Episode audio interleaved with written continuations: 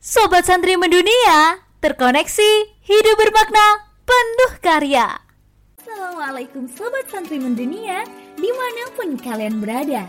Kembali lagi dengan aku Salma dalam podcast Santri Mendunia, terkoneksi, hidup bermakna, penuh karya. Gimana nih kabarnya teman-teman semua? Semoga senantiasa dalam limpahan rahmat dan karunia Allah Subhanahu wa taala. Anyway, di podcast kali ini spesial banget karena Salma mengangkat judul How Technology Impact Our Life. Bagaimana dampak atau kontribusi teknologi dalam kehidupan kita. Eits, sebelumnya teman-teman tahu nggak sih kalau ternyata banyak loh fun fact seputar teknologi yang jarang kita ketahui? Yang pertama, tahu nggak bahwa Android adalah sebuah gender? Pasti kaget kan? Jadi, kata android secara harfiah berarti laki-laki yang berpenampilan seperti robot dan penyebutan perempuannya adalah ginoid. Unik bukan? Fun fact yang kedua, yang gak kalah bikin kaget adalah fakta bahwa kecepatan internet di NASA mencapai 91 GB per detik loh. Masya Allah banget kan? Padahal nih rata-rata kecepatan internet paling cepat di Indonesia aja cuma 25 MB per detik loh teman-teman. Bayangin aja, 1 GB itu setara dengan 1 juta megabyte. Kalau sampai 91 giga berarti sama dengan 91 juta megabyte. Jauh banget gak tuh dari kecepatan internet kita. Oke, okay, next yang ketiga. Saat ini terdapat 92% transaksi yang dilakukan dengan cara digital loh. Apalagi selama pandemi ini pasti teman-teman pada mager keluar rumah kan?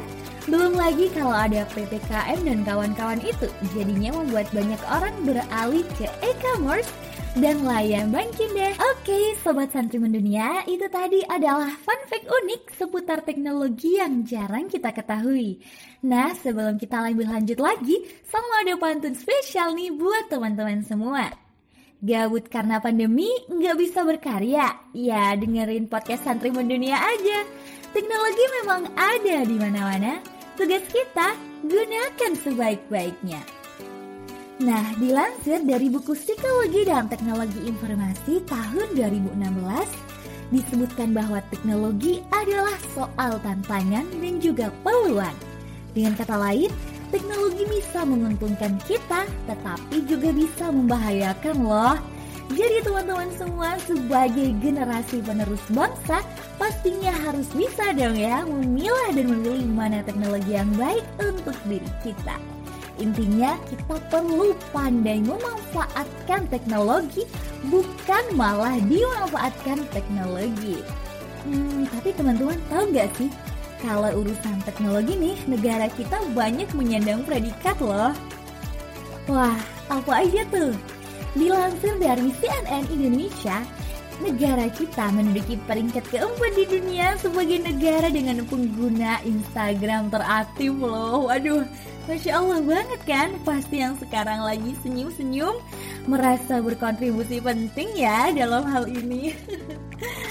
Terus nih yang kedua, Indonesia juga menyambut peringkat pertama sebagai negara dengan jumlah pengunduh e-commerce terbesar di dunia. Wah, wah, wah, emang ya masyarakat di negara plus 62 itu sangat patuh deh karena lagi pandemi nggak boleh keluar rumah Eh, mereka pada rame-rame download e-commerce. Keren banget kan? Oke deh teman-teman, gak kerasa kita udah ngobrol banyak hal seputar teknologi, fun fact, sampai kontribusinya dalam kehidupan kita. Pastinya, sebagai generasi muda yang cerdas dan bijak, kendali teknologi ada di tangan kita. As a closing, sama ada bonus pantun nih buat teman-teman semua. Sepandai-pandainya tupai melompat, pasti jatuh juga jomblo-jomblonya kamu sekarang pasti nikah juga. Iya.